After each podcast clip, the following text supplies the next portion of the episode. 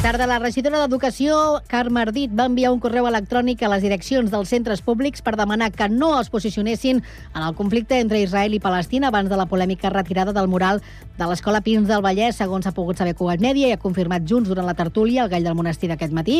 En el correu Ardit remarca que no es pot traslladar el conflicte de Sant Cugat ni esperonar la violència, ja que hi ha moltes famílies que estan patint i que han perdut familiars. Al text, la regidora apunta que no es vol posicionar en cap cas a favor d'una o altra facció i anima les direccions a parlar amb els professors perquè expliquin als alumnes que hi ha persones que pateixen a les dues bandes. La decisió de la responsable municipal d'Educació ha generat controvèrsia entre els grups municipals de la tertúlia, en especial pel fet que després de la carta la mateixa regidora demanés a la direcció de l'Escola Pins la retirada d'un mural del Guernica sobre la guerra a Gaza, mentre que Junts i el Partit Popular defensen l'acció de la regidora, Esquerra, el PSC, en Comú Podem i la CUP consideren que Ardit ha sobrepassat les seves competències. Més enllà de la missiva als centres, Vox lamenta la politització de l'àmbit educatiu.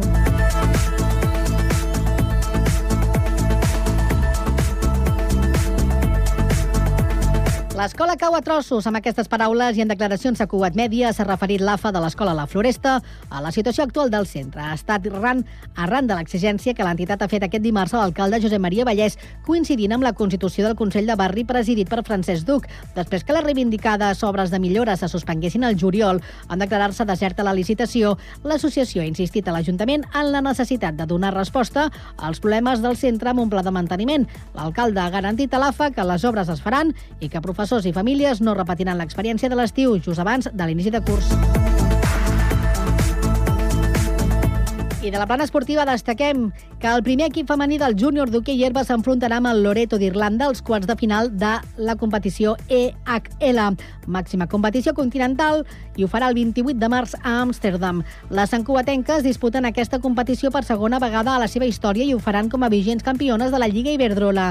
El guanyador dels quarts de final s'enfrontarà amb el vencedor del Club de Campo madrileny i el Mannheimer alemany. I ja hi ha prop de 200 inscrits a la tercera edició de la cursa del Gall del 31 de desembre, a un sortit i arribada a la plaça de la Vila de la ciutat. Les inscripcions encara es poden formalitzar a cursadelgall.cat o presencialment el dia de la cursa de 10 del matí a 3 de la tarda a la sala Canigó.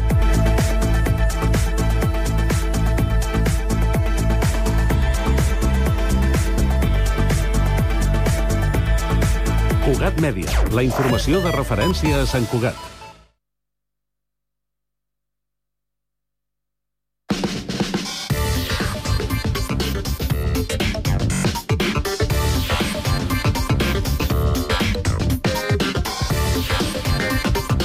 Cinc de la tarda, 3 minuts, inici de la segona i última hora d'aquest Connectats de, de dimecres. Informació de servei, comencem pel trànsit.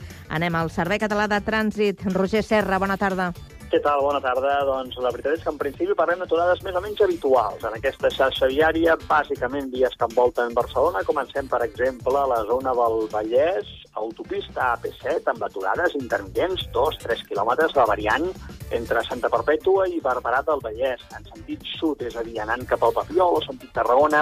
Aquest tram del Vallès, autopista AP7, sí que el trobarem més carregat. També parlem d'aturades habituals als seus laterals, als laterals de l'AP7 a la B30, entre Cerdanyola i Barberà, en tots dos sentits de la marxa. Hi ha un tram de la C-17, a l'Ametlla del Vallès, on hi tenim unes obres. Hi ha retencions d'un parell de quilòmetres entre la Garriga, l'Ametlla del Vallès, això com et deia, a la C-17, en sentit sud, en sentit Barcelona, a causa d'aquestes obres. I acabo a l'extrem sud de Barcelona amb un vehicle avariat a l'autopista del Garraf, a la C32, a la zona de Vila de Cans, talla carril, en direcció a Barcelona, i provoca aturades de quilòmetre, quilòmetre i mig. És tot des del Servei Català de Trànsit. Gràcies i bona tarda. Bona tarda. Seguim amb més informació ara des del Transmet. Albert Garram, bona tarda. Línia R4 de Rodalies amb demores que poden superar els 15 minuts degut a una incidència provocada pel robatori de cable a la catenària entre Manresa i Sant Vicenç de Castellet. A més, fora del nucli de Barcelona, el tram aïllat per obres de la línia R3 entre el Figaró i Puigcerdà, on degut a una incidència a les instal·lacions entre Vic i Balanyà, els trens circulen també amb demores que poden superar els 30 minuts en aquest tram. A la resta de la xarxa no destaquem cap altra alteració i es mantenen la resta de freqüències i horaris habituals graduals tant als serveis ferroviaris com de bus. De moment això és tot des del Transmet. Bon dia.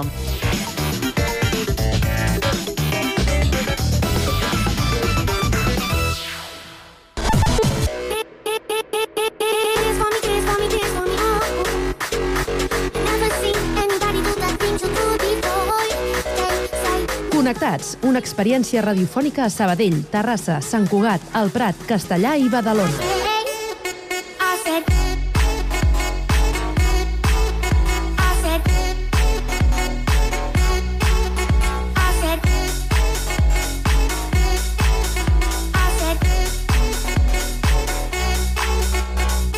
Connectats amb Carme Reverte.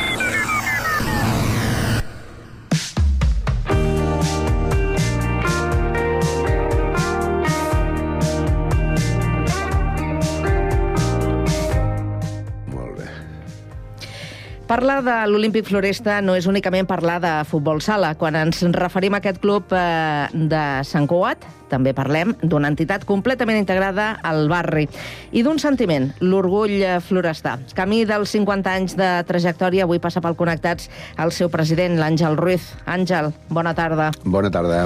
Eh, expliquem una mica quin és l'origen de, de l'Olímpic Floresta, que a veure, dins del món de l'esport tothom el coneixerà perquè sou un club que us dediqueu a la pràctica del futbol sala. Uh -huh. És així, sí, sí.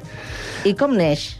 A veure, neix... Eh, de fet, neix arrel d'un grup de nois de l'Escola de la Floresta que a l'any 78, 77-78, 78 és el que contem com a any, com a any d'inici, eh, tenen ganes de, de fer un equip de, de futbol sala. En la Floresta no hi havia cap tipus de- d'equipament esportiu, i el futbol sala era una cosa, l'única cosa que es podia practicar en el pati del casino, en el pati de, de l'Auref o, o en les places, és dir, futbol, però de manera reduïda. I aquests nanos van apretar amb un dels pares perquè eh, se'n fes càrrec i a partir d'aquí doncs, va engegar aquell primer equip.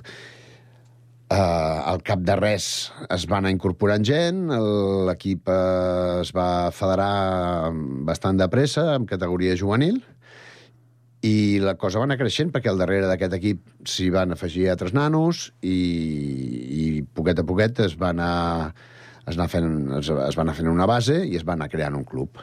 Mm -hmm. Des de quan estàs tu amb, amb l'Olímpic? No com a president, sinó quan, quan comença la teva vinculació amb el club? Jo vaig jugar en aquell primer equip federat. Vas jugar en el primer equip? Amb 14 anys, sí, sí, sí. Clar, perquè tu has sigut primer futbolista, no? primer esportista, sí. i després te n'has fet càrrec de... Bueno, he fet tots els papers de l'AUCA, que es diu, perquè jugador, després entrenador, després Correcte. passant per la Junta, i ara de president ens anem aquí agafant càrrecs. Vull dir, és una associació que funciona tota amb voluntariat, que la Junta són exjugadors eh, o, o pares de jugadors, és la, l'associa, una associació d'aquestes típiques que funciona, que se retroalimenta a si mateixa amb la gent que, que va fent passos endavant o que va, o que va agafant responsabilitats. Doncs escolta, qui millor que tu per explicar-nos com, eh, com ha evolucionat eh, aquesta entitat. Així, a grans trets, eh, neix en aquesta escola, l'escola La Floresta, es fa un equip eh, federat en categoria juvenil, però després la família es comença a fer, es comença a fer gran, no? Sí, sí, sí, sí. Uh, al cap d'uns anys uh, vam arribar a un acord amb, un, amb gent de Barcelona que estaven graduados uh, i, i es van com agrupar amb nosaltres. Nosaltres uh, en aquella època jugàvem a juvenil i sènior a la vegada, perquè, perquè aquest, aquest grup es va associar amb nosaltres, i al darrere ja es van anar creant algun equip de, de categoria eh, inferior, de categoria eh, cadet, o, o quan nosaltres ja vam deixar de ser juvenils, van passar a crear un, altre, un nou equip juvenil. I miqueta en miqueta la cosa va anar, va anar creixent eh, de manera espontània, o sigui, no, no, no s'estava buscant eh, de quina manera ampliaríem el club, sinó que la gent es va anar apuntant i... i O sigui, va ser un creixement natural. Sí, sí, sí, sí, sí. O sigui, la cosa funcionava, nosaltres ens ho passàvem molt bé, els que venien al darrere ens miraven i volien també participar, i, i, i així vam anar creixent. Vam, estar bastants anys que el club no tenia totes les categories, que ara, doncs ara tenia infantils i l'any següent no en tenia, fins que va arribar un moment on la cosa va quedar ja estructurada i amb una mica de, de cara i ulls d'entitat una mica més, eh, més sèria, entre cometes. Ara teniu totes les categories, no? Sí.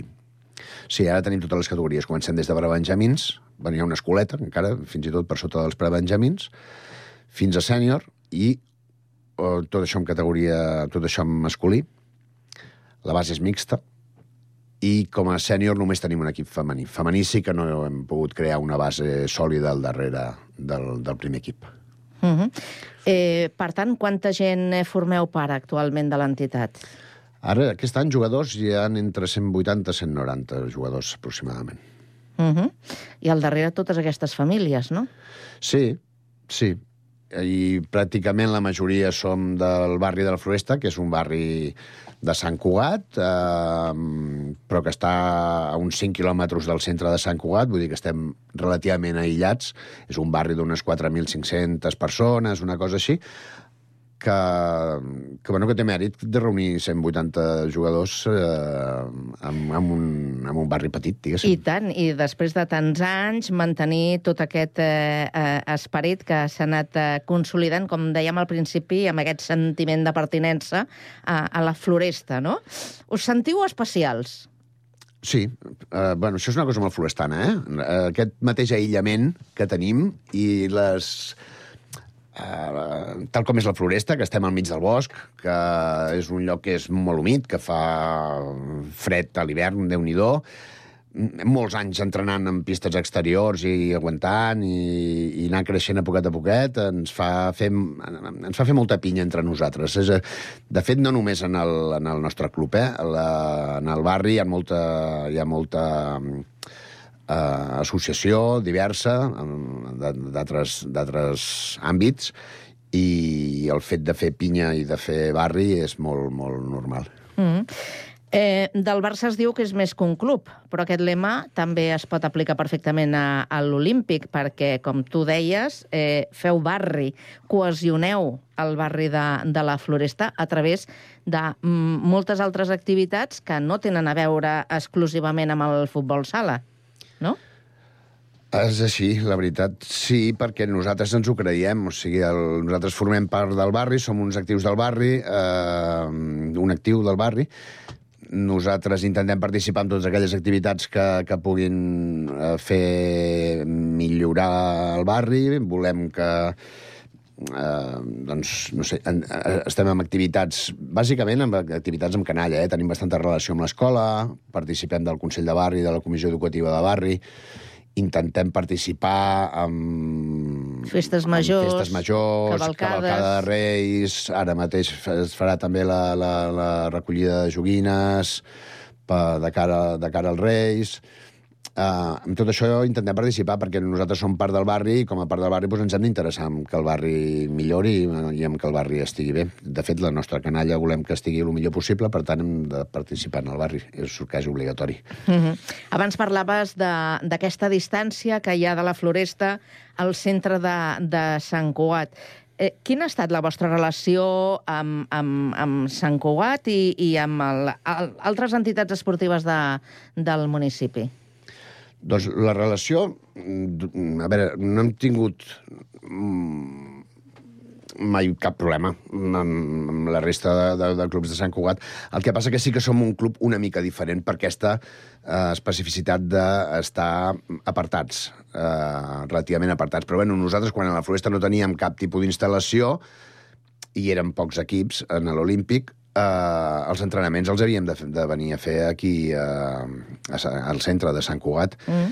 i havíem de jugar en el pavelló de Sant Cugat perquè el primer equip el tenim en una categoria nacional on és obligatori un pavelló i unes condicions de joc espe- específiques i vam estar molts anys jugant en el, en el centre de Sant Cugat fins que es va aconseguir que ens fessin un pavelló municipal a la Floresta.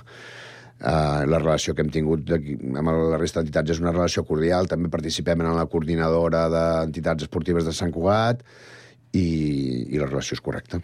Mm -hmm. Si haguessis de triar un dels millors moments de la història de, de l'Olímpic. Quina, quina, quina època et ve al, al cap? Els millors moments de la història de l'Olímpic. A veure, a nivell de club... Clar, tu que has passat per tots els, eh, per tots els papers... Jo he passat per tots els papers. A mi el que mm, sempre m'ha fet disfrutar més era quan era jugador. O sigui, a mesura que et vas apartant de la pilota, cada vegada disfrutes una mica menys, però això és una cosa meva personal. A nivell del club, no sé, quan vam aconseguir eh, els ascensos a categoria nacional, d'arribar a situar un, un club com el nostre entre els 15-20 millors equips de Catalunya, doncs ens sembla que té un mèrit suficient com per estar molt contents. Mm -hmm. I ara, mm, abans parlàvem no, de- d'aquesta tradició, de la recollida de, de joguines. Quina edició celebreu aquest any? Ostres, doncs no t'ho sabria dir Ja en exactament. porteu unes quantes. Sí, en portem unes quantes. En portem unes quantes. Bueno, ho fem això en col·laboració amb, el, amb els joves de la parròquia, amb Càritas i moltes més entitats d'aquí de Sant Cugat.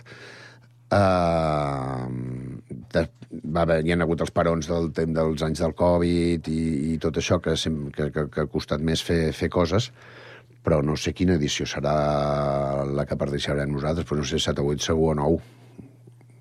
I, i com, com funciona aquesta jornada que feu? Bueno, aquest, hem anat canviant de formats. Uh, hi ha hagut anys uh, que aprofitàvem per fer algun partit amistós amb el primer equip i llavors es convocava gent que pogués venir a, a veure el partit i a, i a, i a portar alguna, alguna joguina. Mm, altres vegades ho hem fet mm, en el, en el centre de, de la Floresta, buscant un local en allà per fer participar no només en, els, en la gent de l'Olímpic, sinó al barri sencer. Uh, I aquest any farem una mena de modalitat així mixta, perquè aquest cap de setmana es juga un torneig escolar que hem, que hem mirat de muntar en el pavelló i en allà hi haurà una part de recollida de joguines i, i durant els casals de, de Nadal també. I mantenim el, el local aquest en, els, en la plaça de l'estació, on també els, la resta de veïns que no siguin tan futboleros doncs també poden, poden passar per allà i deixar, i deixar alguna joguina. Si parlem de valors, els valors de, de l'Olímpic eh, es mantenen, podríem dir, l'essència intacta des del seu origen fins a, fins a dia d'avui? Sí, sí. Els valors més bàsics, sí. El que el que s'entén com a valors de l'esport genèrics, el, doncs crec que els seguim mantenint com a prioritat tot el que té, a veure, tot el que té a veure amb, amb, amb, amb, amb l'esport, la salut, el compromís, el respecte, la solidaritat, eh, tot eh, l'esforç, la, tot, eh, tot això per descomptat. Després la, la participació en el barri, el, el ser membres d'una comunitat i d'intentar fer millorar aquesta comunitat. I la- l'altra pota nostra també seria la preocupació per anar creant base i per anar donant als nanos l'opció de fer esport i futbol sala en el nostre barri. I això ho vam començar-ho així i continuem igual. La veritat és que continuem igual. Ara les coses han evolucionat molt, vull dir, el que abans era, es feia en papers ara es pot fer per WhatsApp, però la, la, idea, la idea és la mateixa. Ara les coses són més complicades, més burocràtiques, més farragoses, però la idea segueix sent igual. Uh -huh. Quants anys portes de president? Ara, 15. 15. uns I quants- encara amb energia? quants. Sí, perquè si no hauria de plegar. Uh, no, a veure, ja tocarà el dia que toqui, però, però si estàs aquí, tu t'hi has de posar. Uh -huh. Deia que eh, aneu camí del cinquantenari. Uh -huh. No queda mm, massa anys. Eh, com t'imagines el club quan arribi aquest moment? pues jo espero que s'assembli al, al, al que tenim, més consolidat, havent pogut tenir tots els tota l'estructura man, ben mantinguda, que els nanos puguin progressar des de petits fins a grans, mantenir el primer equip amb un molt bon nivell i a veure si tenim eh, una mica més de traça o sabem enfocar una mica millor la part femenina del club, que és el, la coseta que ens falta acabar de polir, i, i, i, i amb això jo estaria la mar de content. I t'hi veus eh, presidint aquest cinquantenari? Ui, encara queden 4 o 5 anys. Uh, no hi he pensat en això, no, no. Es, espero estar per disfrutar-ho. Eh, no, sé, no sé amb quina, no sé amb quina feina em tocarà en aquell moment. Però segur que alguna cosa faràs. Sí, sí, clar, perquè això, és- a veure, porto tot, tot, tota la vida vinculat a l'Olímpic i ara no desapareixeré. Vull dir, tant si sóc president com si no, alguna cosa, alguna cosa farem. Molt bé, doncs eh, nosaltres també esperem veure aquesta celebració de l'Olímpic Floresta, un històric eh, de, de l'esport Sant Cugatenc genuïnament florestà, eh? com no podia ser d'una altra manera. Àngel, moltíssimes gràcies i que vagi molt bé. Bones festes. Gràcies a vosaltres i bones festes a tots.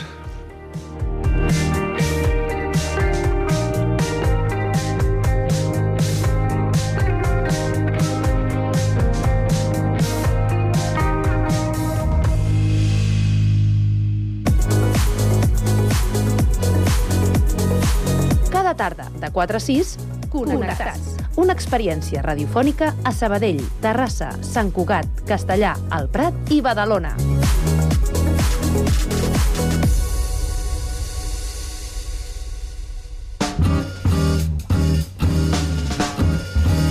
Amb molt de gust. Des de fa poques setmanes, l'empresa El Jardí de les Palmeres Avents és l'encarregada de la gestió del bar-restaurant del Cèntric Espai Cultural del Prat de Llobregat, una nova concessió que arriba després de 13 anys amb la xef eh, Susana Aragón al capdavant, que va decidir no presentar-se a l'últim concurs. Avui a la nostra secció de gastronomia ens farem la boca aigua descobrint la proposta del nou cèntric i per això marxem fins al Prat. Rocío Santaufèmia, bona tarda. Bona tarda, doncs sí, una nova gestió, però amb un projecte continuista en una part, amb els productes Pota Blava com a protagonistes de la carta, com no podia ser d'una altra manera. Avui ens trobem amb el gerent del nou cèntric, Sergi Bonillo, per parlar d'aquesta nova aventura i també segur que ens farà entrar gana a aquesta hora de la tarda. Sergi, bona tarda. Molt bona tarda. Parlàvem uh, d'aquest nou projecte, tot i que nosaltres ja us coneixem des de fa molts anys pel restaurant del Jardí de les Palmeres, que es troba a les instal·lacions de l'escola Emilio Sánchez Academy. Ara us heu engrescat amb aquest nou cèntric. Uh, dèiem, és una concessió municipal que heu arrencat fa poques setmanes uh, aquí al Cèntric i que esperem també que al ser una concessió estareu molts anys amb nosaltres. Explica'ns una mica com va sorgir tot i sobretot com vau decidir eh, engrescar-vos amb aquest projecte. Tant de, bo que, tant de bo que sigui així, que sigui no només per aquests anys de, de licitació, sinó que podem tenir una continuïtat. Bueno, nosaltres, jo personalment porto ja eh, 20, més de 23 anys visquent al Prat. En aquest cas hem viscut o he viscut al Parc Agrari perquè l'Emilio Sánchez Academy està sitiada al, al cor del, del, del Parc Agrari i, i bueno, amb els dos socis que tenim doncs, eh, ens hem engrescat eh, amb aquesta licitació perquè volíem viure al Prat, al municipi. Volíem sentir el batec de la gent. És cert que estem al Parc Agrari i visquem tota la part més verda i tota la part més naturista del municipi, però el batec de la ciutat es viu a la ciutat. I aquest, uh, aquest projecte, doncs, eh, entre d'altres coses, ens, ens proporcionava aquest fet, no? el viure al Prat. Clar, perquè uh, sí que és cert que ara arribeu per primera vegada més al nucli urbà, però igualment, tant tu com els teus dos socis sou professionals, experts de la restauració i també, eh, podríem dir, de la comarca, no? Sí, bueno, mira, el, el cap visible a nivell gastronòmic és el, és el Pol, eh? és un dels socis, som tres, és el Pol, és el Dani i sóc jo. I el Pol, per exemple, doncs, eh, fins eh, ara que ha deixat la, la seva feina que tenia desenvolupant fins als últims 3 o 4 anys, me sembla, eh, estava com a, com a xef executiu de, de l'embarcadero i cap de compres del, del grup Lancaster a Castelldefels. De fet, ha estat una part implicadíssima amb la de, de, el, el desenvolupament del, del, prat, del, del plat dels, dels de Castelldefels. Uh -huh. Un arròs, l'arròs de Castelldefels, no? Vull dir, això, ell ha estat protagonista junt amb altres xefs de, del propi municipi de Castelldefels. Quina és la vostra proposta gastronòmica? Perquè parlem una mica de línia continuista pel que fa als productes, no? A- a- al pota blava, a la carxofa prat, però quina és la vostra oferta eh, què destacaries de la vostra carta? Sí, a- el concepte continuista no només comporta la carxofa Prat, que és la reina, i el pollastre de pota blava, que és el rei, sinó que el que nosaltres intentem d'alguna manera eh, seguir promocionant és el fet de la temporalitat, el producte local, eh, en aquest cas el parc agrari i el quilòmetre zero. I al final les empreses avui en dia o tenen un concepte eh, integrador a, a, a tots els nivells o no són sostenibles. No? no només hem de ser sostenibles a nivell econòmic, que una empresa ho ha de ser, eh, si no, no es pot mantenir, sinó que també hem de ser sostenibles en diferents àmbits. No? I el social, en aquest cas, doncs, també, també ens preocupa moltíssim. No? Clar, en aquest cas, per exemple, no, eh, jo destacaria, si estàs d'acord precisament, el ser un referent per la gent del Prat, que volem tastar productes locals, però també fins i tot si coneixem gent de fora que vingui, un lloc per dir, mira, doncs t'ensenyaré què és el Prat gastronòmicament i això és un exemple, no?, a, aquest nou cèntric. Correcte. Ja, la temporalitat del pota blava ja, ja, no, ja no existeix. Ara hi ha una anualitat del pota blava. I la temporalitat del parc agrari tampoc hi és. És dir, hi ha temporalitat en quant als productes.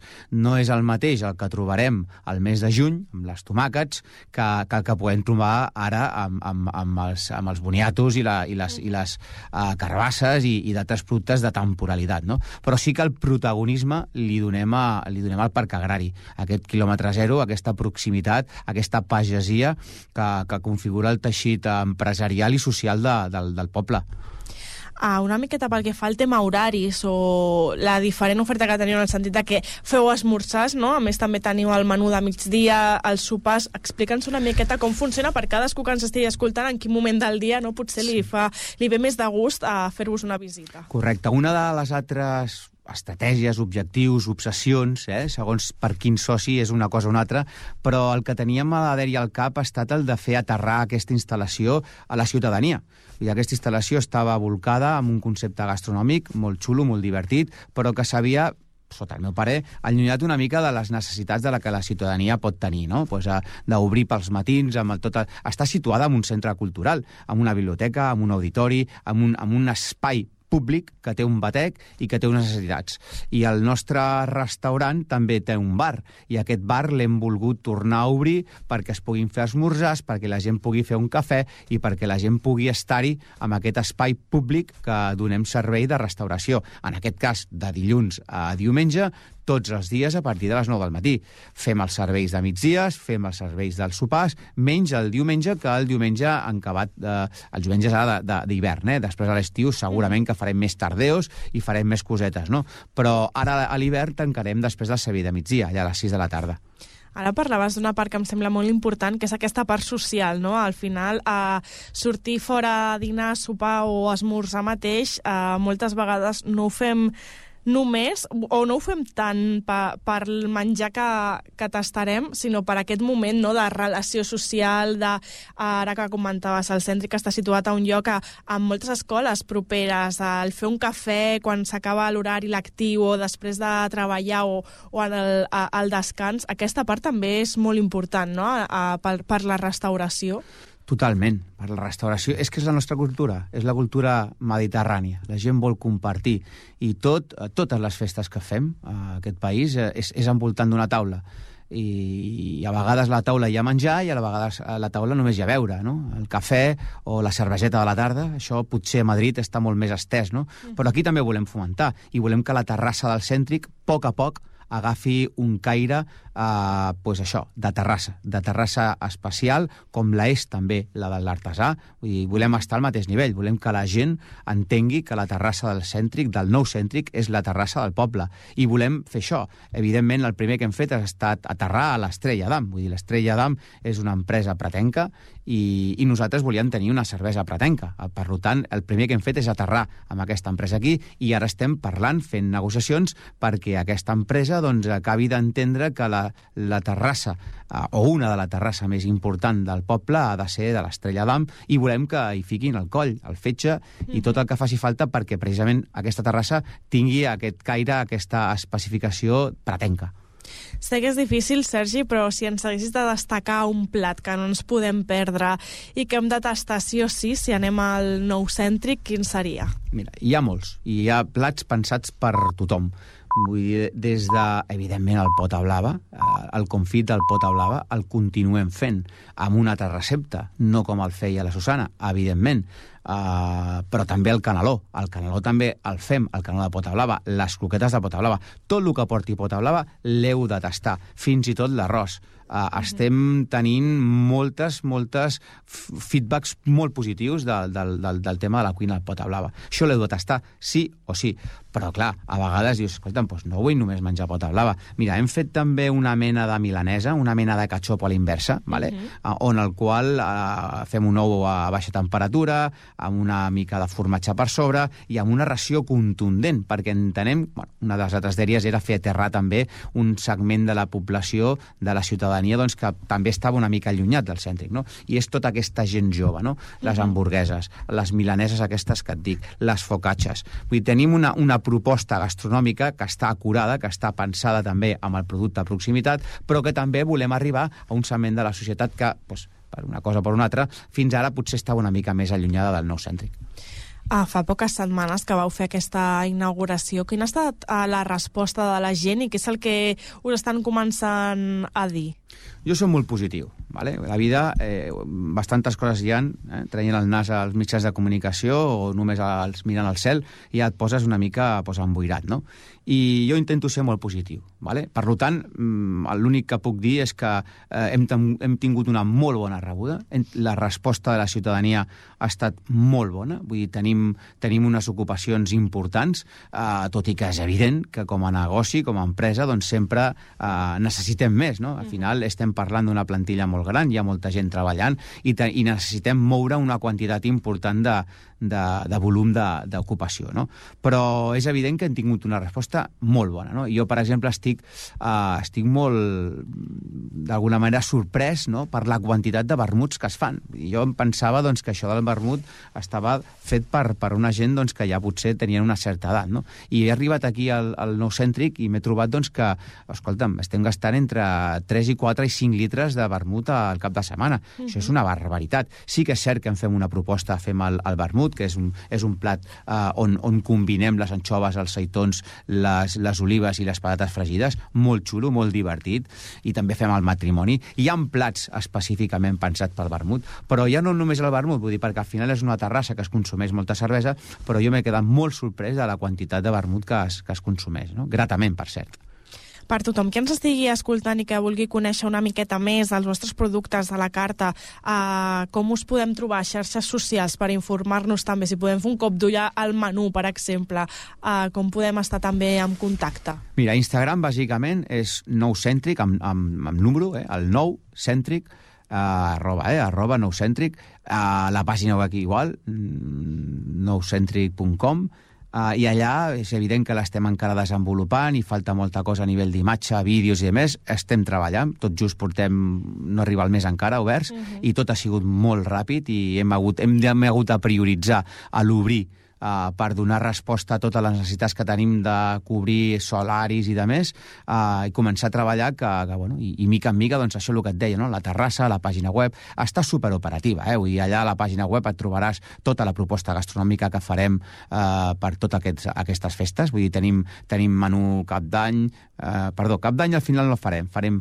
any nou, farem uh -huh. Reis, farem uh, Nadal, farem Sant Esteve, i també farem una proposta takeaway, eh? una proposta de diferents plats eh, per provar a casa eh, el nostre preuat pota blava, els calalons, eh, diferents coses. No? I això pues, bueno, ho pots trobar a la pàgina web de la mateixa manera que pots trobar la, la capacitat de fer la reserva. Eh? Des de la mateixa, mateixa pàgina web o des del perfil d'Instagram pots fer perfectament la reserva per dinar o per sopar. Doncs convidem tothom que ens estigui escoltant a visitar el Nou Cèntric i, com deies, també aquestes dates nadalenques són una molt bona opció per, per anar a descobrir tot el que proposeu. Sergi, moltíssimes gràcies. Perfecte. Només afegir una coseta.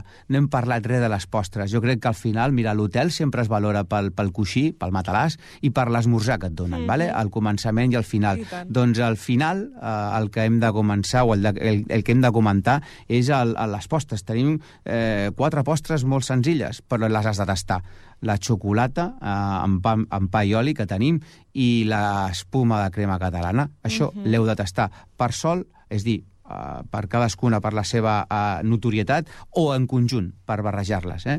Vull dir que queda la proposta feta de que acabeu un bon àpat al nou cèntric, ja sigui amb un arròs, ja sigui amb pota blava, ja sigui amb parc, amb a la taula, però acabeu-lo també amb aquesta eh, connotació dolça. Sempre hi ha forat pel postre, eh? Tot Sempre. i que estiguem tips, per una miqueta de dolç sempre, sempre hi ha una miqueta més. Correcte. Gràcies. Molt bé.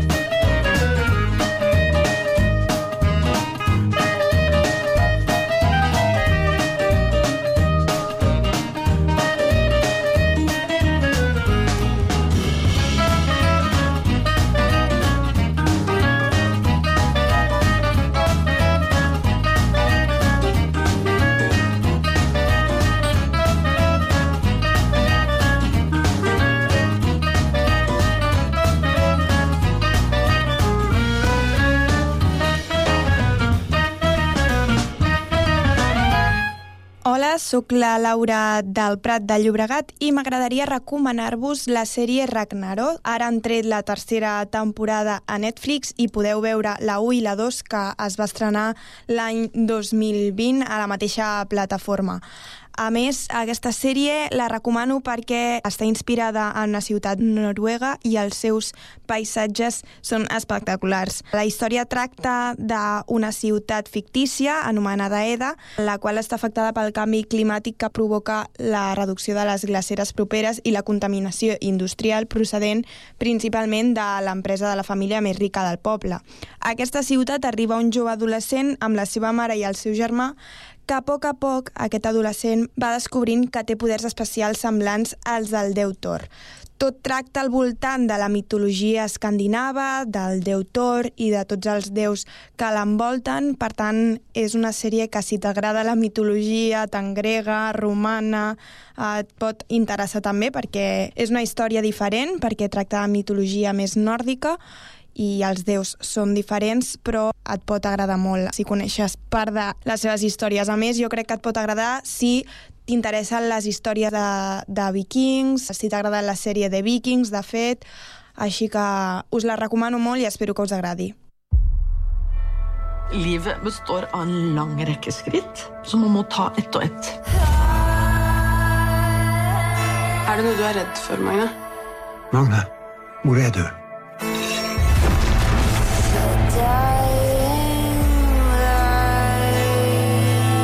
Tror du vet at du kan bli akkurat det du vil. Virkeligheten min er helt annerledes enn din, Saksa. Innser jeg at alt sammen kan ta slutt. Sånn.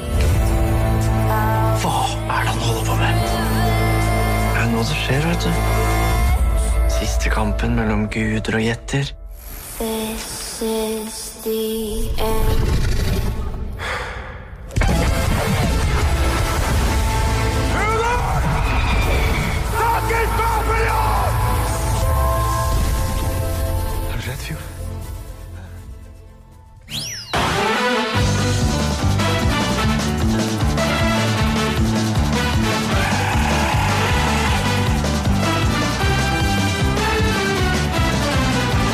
Coses d'antes. Efectivament, és el torn ara per a l'entreteniment en la recta final del programa d'aquest dimecres. I avui eh, Oriol Carreras i Sergi Estapé s'aturen amb una figura amb personalitat, una figura que ens va abandonar ja fa uns anys, però que ens ha deixat moltes cosetes. Us en recordeu d'allò d'una peseta? Potser ens ho expliquen. Ja, eh, Bona tarda, bona tarda. tot, eh, Bona tarda. Avui parlem de la faraona o què? Tot. Què tal? Bona tarda. Bona tarda, però tens tot. Bona tarda, Carme. Hola. Tens tot. Saluda la Carme. Bueno, calla, home. No saluda mai. tu. Què? Bona tarda, Jordi. Bona tarda, Carme, bona tarda, Jordi, bona tarda, Jordi, Oriol. Jordi bona... treballa matí i tarda, eh? Bona- Vinga.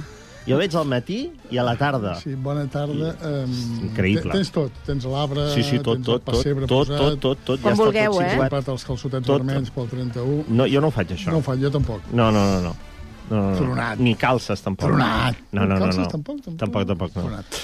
Molt bé, Bueno, escolta'm... tronat, escolta, respecte per la gent que ho fa. Bueno, jo, però jo opino que és tronat. Bueno.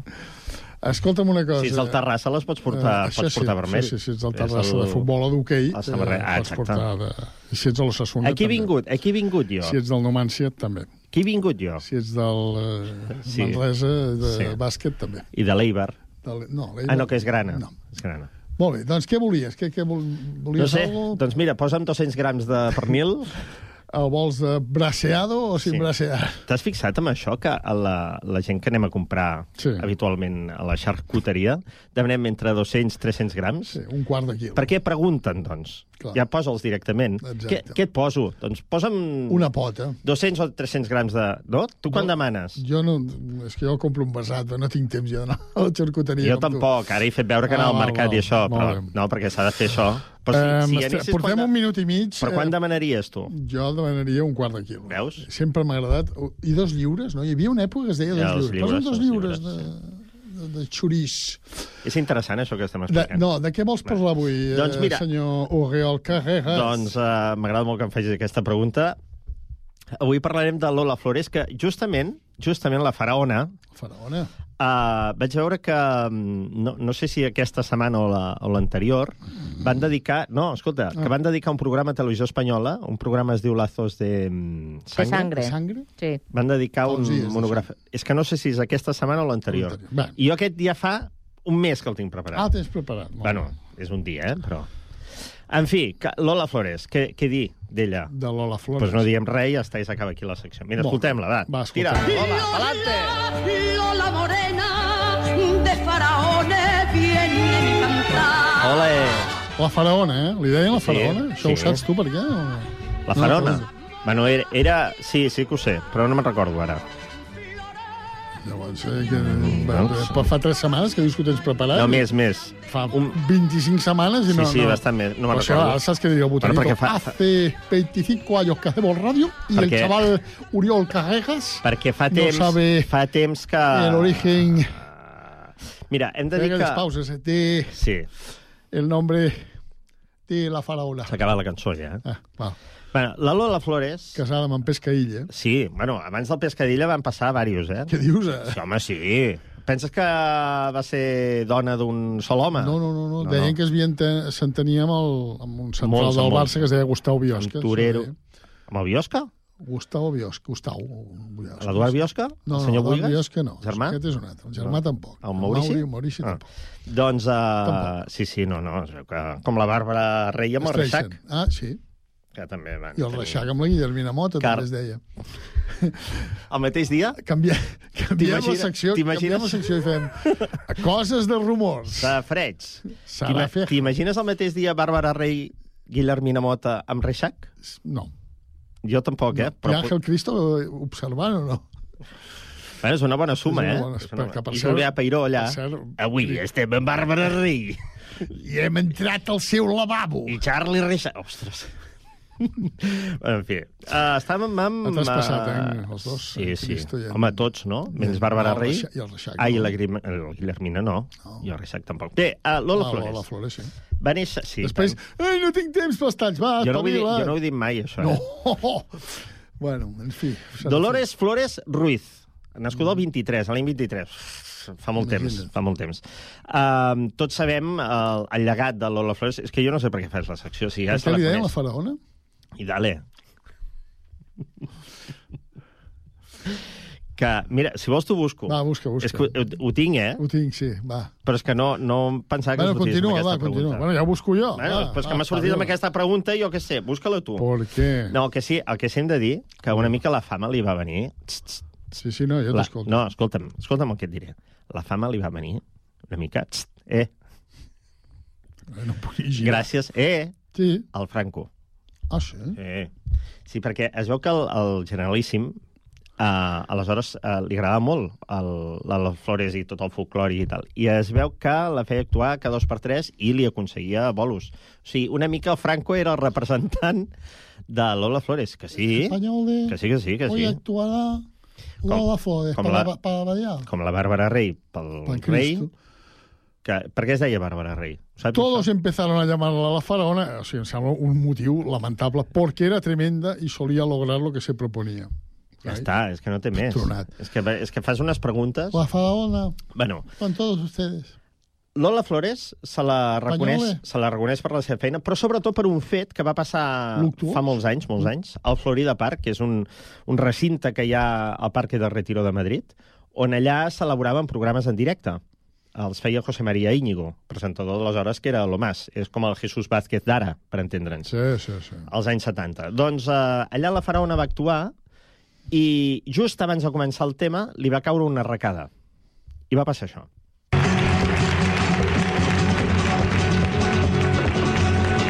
Perdón, pero se me ha caído un pendiente, no, no. No, ha caído por ahí.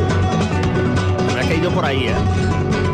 Què busques? Pendiente. Però... Espera, espera, espera. Sí, sí. I les altres anar guitarreo, eh? No, eso no eso son las cosas de. Sense la guitarra, no. Bueno. L'estan- Sí, Ustedes sí. me lo vaya a devolver mi trabajito me costó. Atenció. A veure, a veure, encara està buscant. No, esto es un fleco. Està buscant, eh? Està buscant encara i la tiqui, tiqui, tiqui, tiqui, tiqui, tiqui, tiqui, tiqui.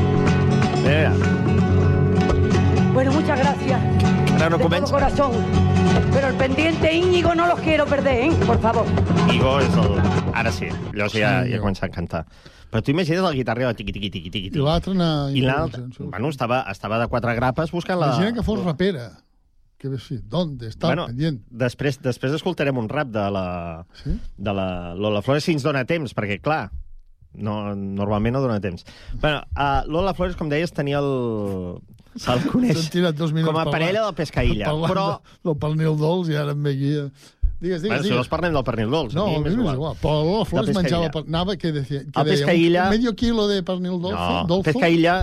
De, ara parlem de peix. Pescaïlla era el rei de la rumba, considerat el rei de la rumba. Que ja saps que hi ha un... Català. Sí, però hi ha un debat aquí. Ah. Perquè diuen que el Peret era el rei de la rumba, però després surt el Pescaïlla, que també és el rei de, de la rumba, perquè va ser el- l'inventor del Però ventilador. tu quan et diuen pescaïlla, per què et diuen pescaïlla? A mi? Ho, ho sabem per què li diuen pescaïlla. Sí, perquè, perquè li agrada el peix.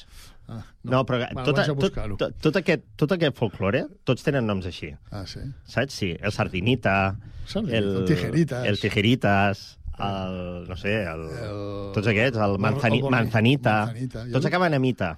Ita, tots. Sí. Tu, com el podries dir, tu? Jo Com? seria el... no sé.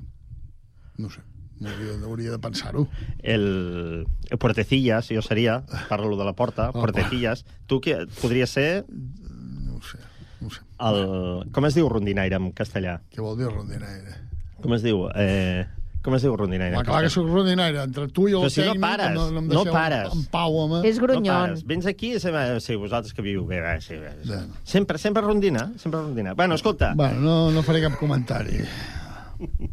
bueno, va, el, el Pescaïlla, vale? va ser, uh, juntament amb la Lola Flores, pares de, um, de la Lola, de la Lolita, Sí. de la Dolores, coneguda com a Lolita, després l'Antonio González Flores, l'Antonio Flores, i uh, la Rosario Flores, sí? que aquests uh, tres fills van seguir el llegat artístic, però a la seva manera, també, no? de, del que acompanyava la, la Lola Flores. Mm, deies abans, lo del rap de la Lola. Saps que va fer un rap? Va ser la impulsora, la primera a Ella fer un va ser- Ella va fer un rap. No l'has sentit mai? No. Mira, ara l'escoltarem. Ja ho veuràs, espera't, a veure que el trobi. Però mira, aquest, aquest. Mira, escolta. Escolta, eh? Voy a enseñar una enseñó cuando yo era pequeñita. Ha la seva mare, eh? Sencillo. Usted habla y mejor Atenció. que yo lo vaya a decir perfectamente. El ritme, Se trata de cómo me la maravillaría yo. rapeo. ¿Cómo me Eh. la maravillaría yo? Mira, mira. ¿Cómo me la maravillaría yo? Ah, no l'havia ¿Cómo sentit, aquesta. Sí, sí, aquesta l'havia sentit. Com, però és una mica pesat. Maravilla. Bueno, però s'està fent rap. Bueno, però pot, pot anar variant, pot anar a dir altres coses, dient altres coses. La Lola sempre era, era una dona que no tenia filtres, que deia el que pensava. Una mica com tu, saps que tu t'és igual que hi No hagi m'aixecava, m'estàs fent avui. No, perquè és, és un elogi. Ah, val. Hi ha, hi ha gent que allà, no, jo no ho dic. No, no s'han de dir les coses pel seu nom, Ah, sense filtres. Ah. I a més a més, Ah. eh, quan li oferien eh, doncs coses com, per exemple, quan ets famós, et diuen, escolta, saps què t'hauries de fer? Una mica de cirurgia, una mica de Sí? cosa... Es va fer cirurgia? No, ella estava en contra d'això. Ah, va, va. Bueno, potser se la va fer, no ho sabem. Según mis amigos que me quieren de verdad y eso. La Lola, que está. Yo tenía como más nariz y yo no me he operado la nariz. Y es que el pelo lo tenía más aquí. Entonces tenía más cara de liebre corriendo. ¿Sabes lo que te digo? Porque el pelo lo tenía por aquí. corriendo. Entonces, al ser ya más mayor, el pelo se ha ido para atrás y entonces parece que la nariz se me han cogido. Un Home, poquito. Yo no me... Porque no, si eh? yo me quito la sí, nariz sí, como tenia una bona nàpia. Ah, bueno, el cas és que, que quan ets famós t'analitzen molt, no? O sigui, és allò, estàs més gras, estàs més prim, estàs més calp, estàs... Sent... No? No passa això? Va, jo crec que t'analitzen sempre. Passa, passa. Tu que ets famós, no, No, passa? jo sí, sí, soc famós, sí. Bueno, escolta, deies abans del Pescadilles que, clar, m'has esbombat tot, però ara, ara he d'anar tirant els talls de saco. Però el Pescadilla va ser l'amor de la seva vida, tot i que es van separar. De Sí, grans sí, ja. ho sé, ja ho sé. El què, ja ho saps? Que es van separar de Per què es grans. van separar? No ho sé, però perquè es deia pescadilla. Pel tema calés, eh? Es van separar. Ah, això no ho sabia. No? Sí, home, però ja saps que la Lola va tenir un problema amb Hisenda i el Sí. Pescadilla va dir, mira, aquí te quedes. Que I va demanar tornar. una peseta... Clar, llavors hi havia, per exemple, 35 milions d'espanyols. Claro. Si todos me dan una peseta, Claro. podré pagar la multa. Claro.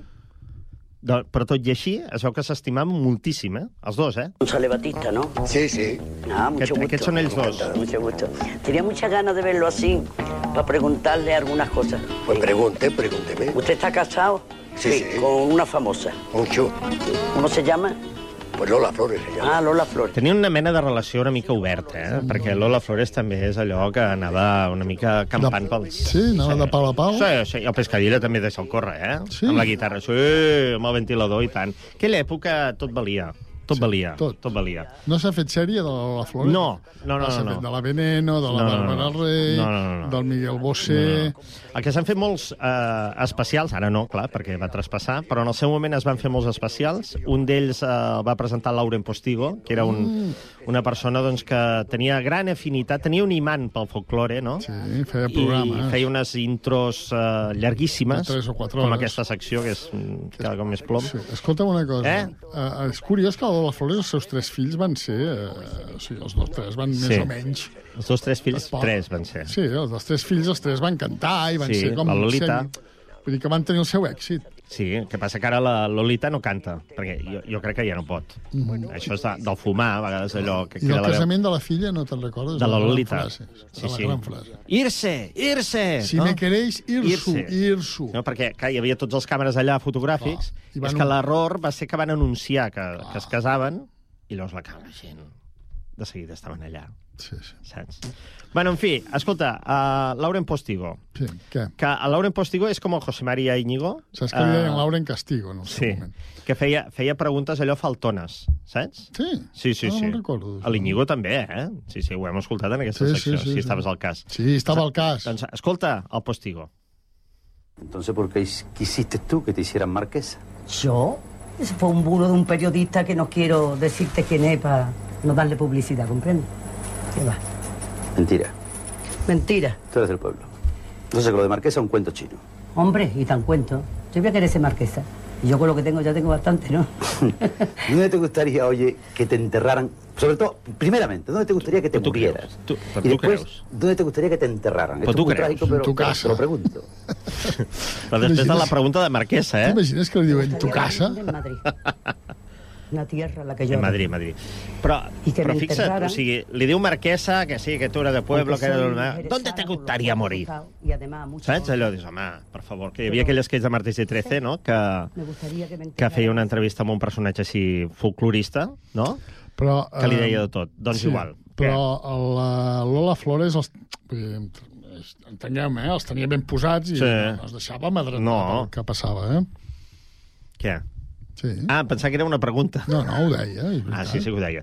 Bueno, escolta, ens n'anem ja, eh? Sí. Ens n'anem amb, una, amb un tema de Lola Flores, que és que lo fàcil seria anar al conegut i anar a buscar una cosa molt rara No, no, en sèrio. Quina por. Lola Flores... No, no, no, és que ja ho veureu, és molt friqui. Uh, canta les taules de multiplicar. Ah? Mira, Una y cuatro, cinco. Una y cinco, és una, una seis. pel·lícula antiga. Una y seis, siete. S'han de sumar. Que allò. va fer molt cinema, Lola. Una y ocho, nueve. Una y Tables de sumar, Sí. no de multiplicar. Qui diu multiplicar? Yes. Mira, mira, mira. Sí, era una pel·lícula. Mira, mira. És una pel·lícula, ja ho he dit. Blanc i negre. Mira, mira, mira. I amb això ens anirem, eh? Doncs, eh, la setmana que ve, si vols continuar fustigant-me, tu fustiga'm. De qui vols que parli la setmana que ve? Mm. Pescaïlla? Per què era? Mira, mira, mira. que se cuenta no se acaba de entender. Eh, això mola, eh? punta nueve y ocho, Per què es diu ella pescadilla? suma 23. Adeu. Lleva 17, Adeu. que eso no es llevársela. Y a él le queda la paciencia y el valor para aguantar y callar. Ay, y ole con ole, ole, ole, dos y dos son tres. Y ole con ole, yo la sin de tener que voy a contar. Yo no quiero aprender, yo no quiero estudiar, yo no quiero leer, yo no quiero saber, yo no quiero sumar. Ay, y ole con ole, le ole, una, dos, y dos son tres. Y ole con ole, yo la si salió al revés, volveré a contar.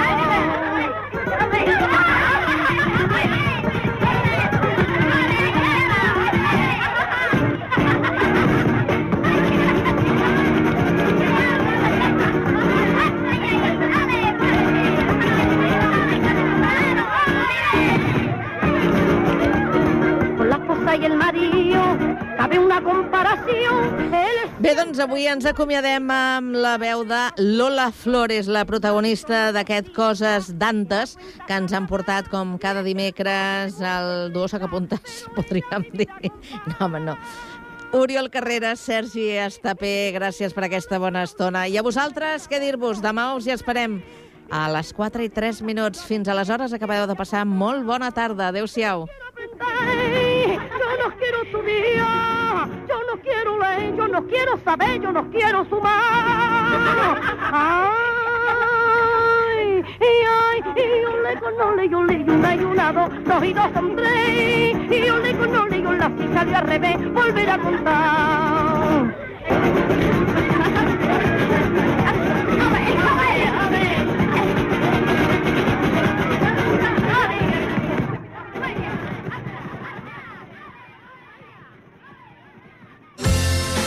Ja tens Sant Cugat a la butxaca? La targeta de punts de més de 80 botigues de Sant Cugat. Si no és així, sol·licita-la a les botigues adherides i aconsegueix un munt d'avantatges. Descomptes, obsequis, promocions especials, barrets de la nit en blanc i... No ens podem allargar tant. Consulta www.santcugatalabutxaca.cat. Ara també utilitza la teva targeta al Mercat de Torreblanca.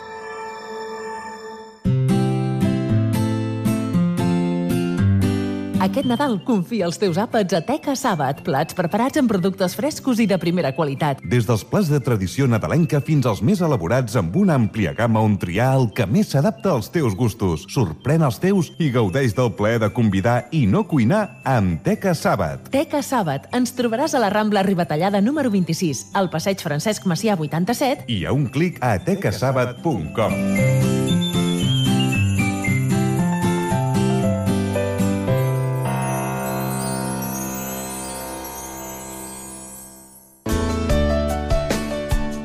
Ràdio Sant Cugat. www.cugat.cat